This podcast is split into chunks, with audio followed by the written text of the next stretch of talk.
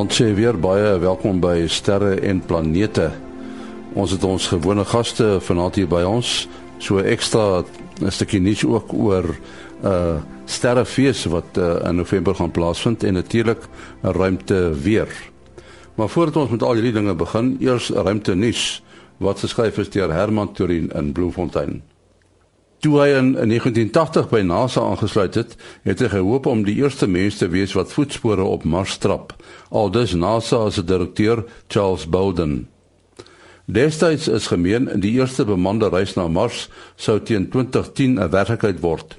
Maar hierdie verwagting het gebleik heeltemal onrealisties te wees. Tog meen Bolden NASA is goed op koers om by sy huidige teiken van in die jare 2030 tot 40 te hou. Eksperimente in die internasionale ruimtestasie waar bemanningslede nuwe rekords vir langste ononderbroke verblyf in die ruimte opstel, maak 'n belangrike deel van die eksperimente uit. Daar word geraam dat 'n bemande reis na Mars en terug minstens 500 dae sal duur. Van 400 km bo die aarde in die internasionale ruimtestasie is 'n Deense ruimtevader, Andreas Morgenson, besig om 'n robottuig in Noordwyk, Nederland te beheer. Morgenson, wat die bynaam Ruimte Viking gekry het, moet nie net die tuig bestuur nie, maar ingewikkelde take daarmee uitvoer en hy het na 40 minute daarin geslaag om 'n dun pennetjie in 'n dun gaatjie te druk. Dit is met die hulp van kunsmatige gevoel gedoen wat na Morgenson se beheerpaneel in die IRS oorgedra is. Die doel van die eksperimente onder die toesig van die Europese Ruimteagentskap is om 'n tuig te ontwikkel wat vanuit die ruimte beheer kan word om ingewikkelde take op die maan uit te voer, soos om 'n teleskoop op te rig. Tot sover ruimtenis wat geskryf is deur Herman Turin in, in Bloemfontein. Nou ruimte weer, hier is Kobus Olkers.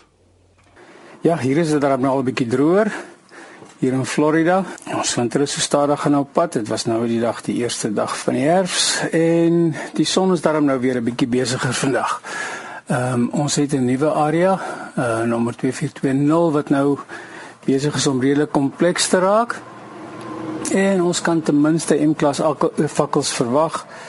Dit lyk daarom asof uh, ons nie enigiets ergs kan kry nie. Ons spoor nie enige steurings op ons GPS of uh, selfone te hê nie, maar mense wat met met ultra presisie GPS se werk moet maar 'n bietjie fyn fyn kyk en so ook mense wat langafstand kommunikasie uh, bedryf.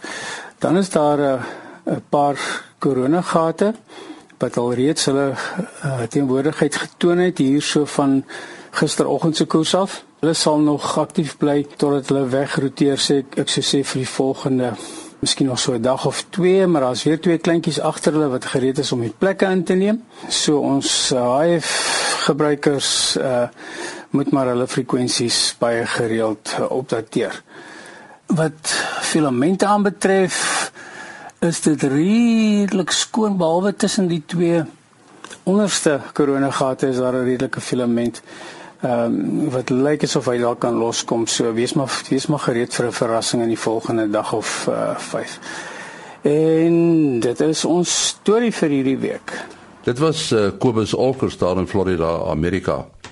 En soos ek net beloof het, uh ietsie oor 'n uh, sterrefees wat in die Kaap gaan plaasvind en ons stel vir Ouke Slotegraaf van die Kaapse tak van die Amateur Sterrekunde Vereniging aan die woord. Dankie en ja, die die die suidelike sterrefees vind in vroeg in November plaas saam met die donker maan by uh, Night Sky Caravan Park net buite Bonnievale. En dit is 'n heerlike samekoms van mense wat van alle tipes wat van basies van sterrekunde hou, maar wat net geniet om saam met ander mense wat sterrekundig georiënteerd is, 'n bietjie te verkeer, sterre te kyk, 'n bietjie te leer van mekaar en soos in Engels sê, just have a jolly good time. Uh, wat moet mense maak om om die aand by te woon? Moet jy iewers bespreek? Ons het 'n webwerf waar mense kan bespreek want ons verblyf is natuurlik uh, dit dit dit word oor twee aande gehou. So die die plan is die mense dag op, daar's 'n lekker braai die loop van die dag. Ehm um, daar's praatjies, verskeie aktiwiteite, mense word gewys om teleskope te gebruik as hulle het. Die meer gevorderde ouens het 'n ander program wat hulle volg en dan word dan natuurlik nou sterre gekyk tot basies tot die son opkom. So 'n mens moet vooraf reël vir verblyf op die perseel. Goed, net weer die datum en presies waar dit is. Die suidelike sterrefees is November 6 tot 8 by Night Sky Caravan Park in Bonnievale. Ja, baie dankie uh, ook geslote graaf. Ons span uh, professor Mati Hofman van uh, die Universiteit van die Vrye State Boden Sterrewag en die digitale planetarium is uh, by ons en natuurlik ook Willie Koorts van die SAAO. En uh, ons kan eintlik uh, wat die program betref sê ons is almal met die maan geplaag want uh, binne 'n paar ure is daar 'n maansverduistering. Willie, uh, hoe laat sal die verduistering begin?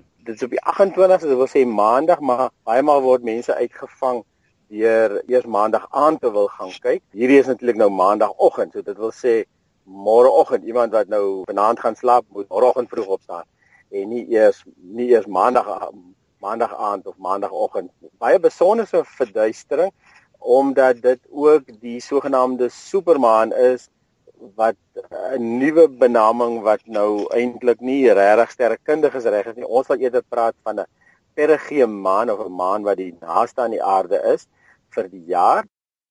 Dit wil sê die volmaan gaan ook die grootste wees aan aan ons. Ja, so die uh uh maansverduisterings net om om miskien 'n uh, bietjie agtergrond te gee, vind eintlik baie gereeld plaas. Ons wil onthou ons het twee programme teruggepraat van die sonsverduistering en toe was dit nuwe maan. Natuurlik eh, sonsverduisterings vind altyd plaas op presies nuwe maan en net so maansverduisterings vind weer plaas presies op volmaan so dit is dan wanneer die drie hemelliggame presies oplyn. So in enige gegeewe kalenderjaar is daar tussen 4 en 7 verduisterings. Dit is nou sons en maansverduisterings als dit bymekaar en hulle kom dan so 6 maande 6 maande uitmekaar uit. As daar 'n sonsverduistering was sal 'n maansverduistering met die volgende volmaan wees soos in die geval baie maal. Gelukkig 'n 'n maansverduistering nou nie soos 'n sonsverduistering wat net vanaf baie spesifieke plekke sigbaar is nie. 'n maansverduistering is sigbaar enige plek waar die maan op is. So dit is dan die maklike ding. So ons in Afrika sien hom en ons sien hom in ander wêrelddele ook en die en die tye is ook baie maal dieselfde of baie naby aan dieselfde omdat dit die maan is wat deur die aarde se skade weer beweeg. Die aarde het uiteindelik kan maar dink twee skade wees, jy het 'n soort van 'n halfskade en dan 'n volskade weer. So as ons nou net gaan by die tye van volskade weer van af net na 3, so 10 oor 3 môreoggend gaan die maan in die aarde se volskade weer begin in beweeg en so dan gaan jy uh, gaande weg gesien daar is so 'n 'n happie uit die maan uit wat al hoe groter word. 'n Uur later teenoor 4 is is hy ten volle uh, verduister. Maar dan sal die een kant nog 'n bietjie ligter wees as die ander kant. Die maan gaan natuurlik nou baie rooi van kleur raak en afhangende van hoeveel stof en vulkaniese goed daar in die atmosfeer is, hoe rooi gaan hy raak. Maksimum uh, verduistering, so mense wat net dit wil sien, moet so kwart voor 5 opstaan en gereed wees om te sien dan is die maan ten volle verduister in die middel van die van die verduistering en dan hierso so by net na 20 oor 5 begin die maan weer in die in die in die in die stadium weer uit beweeg.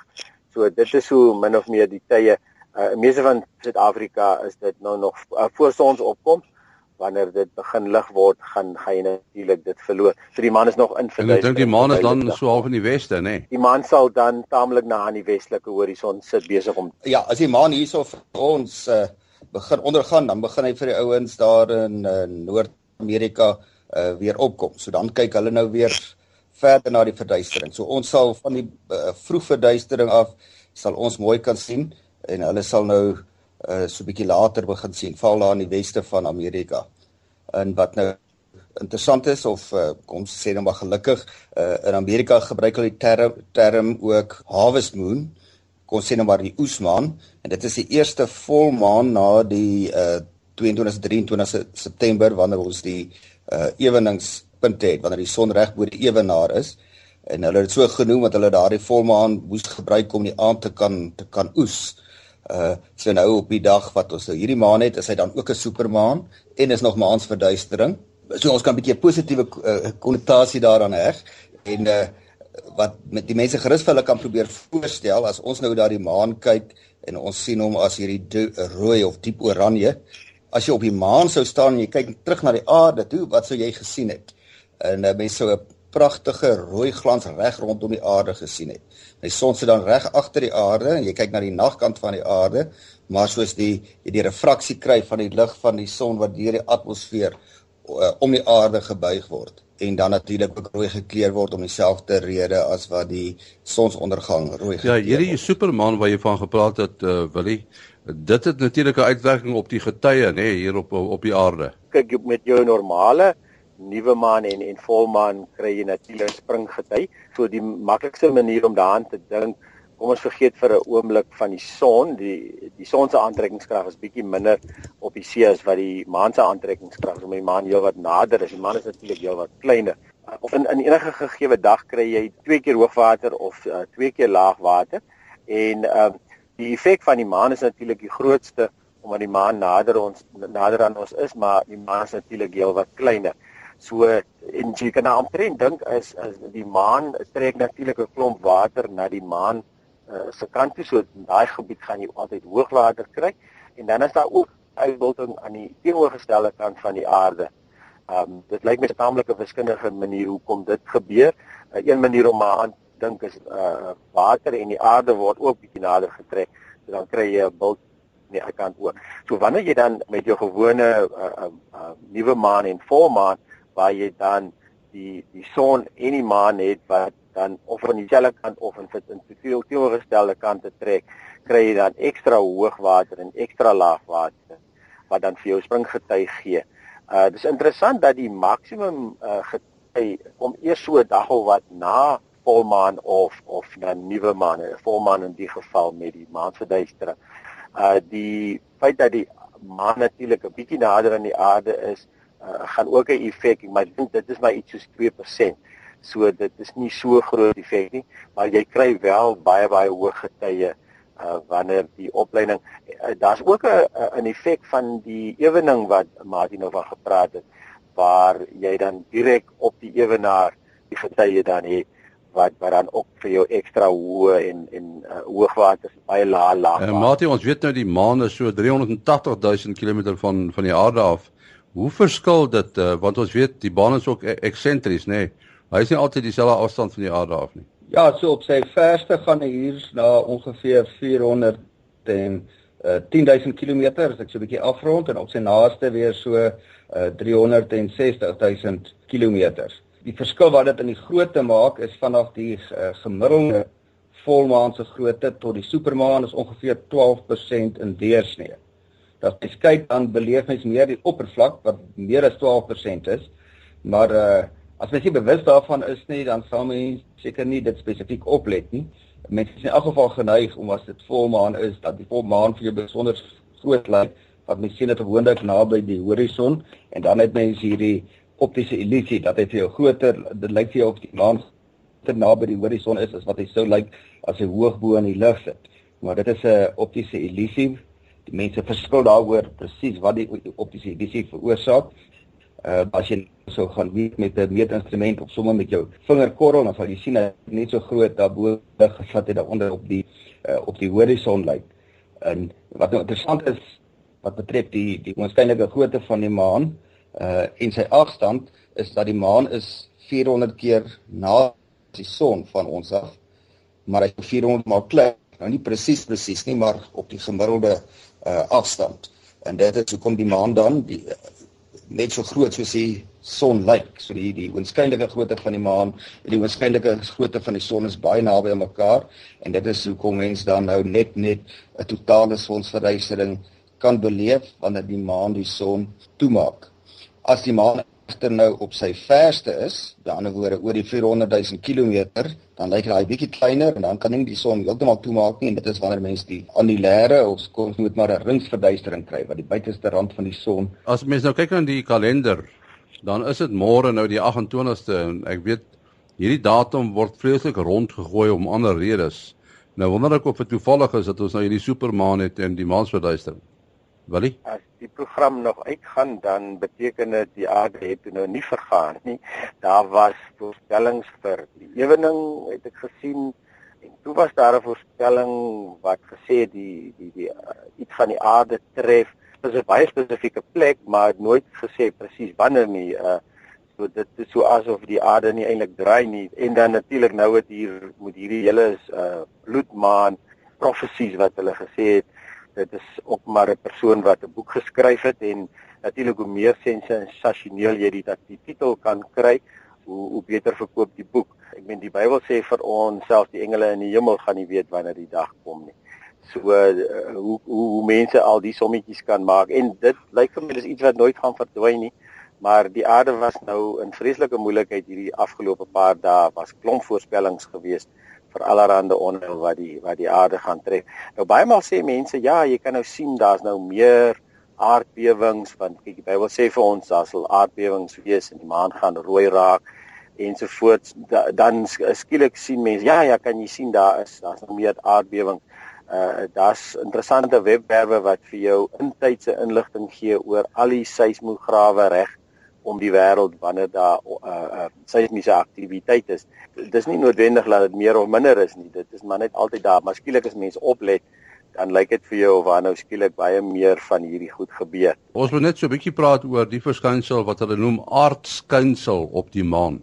Verduidelik dit net 'n bietjie. En nee, as ons nou uh op 'n mooi volmaan aand buite loop, dan kan mens nogal heel goed sien. Ons beskei, uh, beleef dan helder maanskyn. Uh en dit is maar bloot omdat die son se lig vanaf die maan terugweerkaats aarde toe en 'n groot die groot deel van die maan is dan verlig so jy het 'n uh, groterige ligbron is natuurlik sagte lig en dan as mens daardie weerkaatste lig sou die eienskappe meet sal mens sien dit is maar die son se lig met dieselfde eienskappe en spektrum. Nou as die maan vir ons maanlig kan gee, dan kan die aarde natuurlik vir die maan weer lig gee op presies dieselfde rede. Mens kan aardskyn op die maan kry. Uh die verskil is nou net wanneer kry jy die helder aardskyn en wanneer kry jy helder maanskyn. Jy kry die helder maanskyn as die aarde tussen die son en die maan is, want ons het dan die volverligte uh deel van die maan, dis wanneer dit uh volmaan is. Maar dan, wat van die maan af gekyk, dan sien jy die aarde tussen die maan en die son, so jy gaan 'n uh, donker aarde sien of dalk 'n sekelaarde. Dit ek tyd sekeltjie as dit nie presies volmaan is. Daai reguit lyn son, aarde, maan nie 'n presiese reguit lyn is nie. Uh so die aarde gaan wanneer dit volmaan is baie min bydra tot die verligting van die maan. Die son is in elk geval die oordonderende uh effek dan. Maar as ons nou ongeveer 2 weke weg is van 'n volmaan, dan is die maan weer tussen die aarde en die son en uh, net so 1 of 2 dae na nuwe maan dan kry ons 'n klein sekeltjie. Sien vanaf die maan is dit dan amper vol aarde want die maar aarde sit dan net teenoorgestelde kant vanaf die son. En dit is hoekom mens dan wanneer jy daai klein sekelmaan het en jy kyk mooi na die maan hier so uh, net na sonsondergang want die maan gaan dan naby die westelike horison uh, sit. En net as dit donker genoeg word dan kan mens die helder sekeltjie sien maar die res van die maan maak so donker sirkel. Uh, so jy kan die res van die maan ook sien en dit is danksy die aardskyn. Dit is dan amper vol aarde en die aarde is heelwat groter as die maan en ook baie meer weerkaatsend weens wolke en die en die oseane. So uh, ek kan my voorstel as jy in die aand uh, daar op die maan sou wees, sou dit nogal redelik lig wees. Mens sou dalk selfs amper 'n bietjie kan uh, kon lees. Goed, ons moet afsluit. Uh, wil jy besonderhede? Ek wil net sê 'n lekker uitdrukking vir daardie vers, verskynsel is dan uh, die nuwe maan in die arms van die ou maan. Ja, mense kan my kontak. Ons het 245 79208. 0724579208. En dan Mati? Uh, ja, dis 'n mooi uitdrukking daarin van die nuwe maan en die arms van die ou maan. Uh my selfoonnommer 0836257154. 0836257154. En my e-posadres maas.henny@gmail.com. maas.henny@gmail.com. Volgende week is ons weer hier. Tot dan, mooi loop.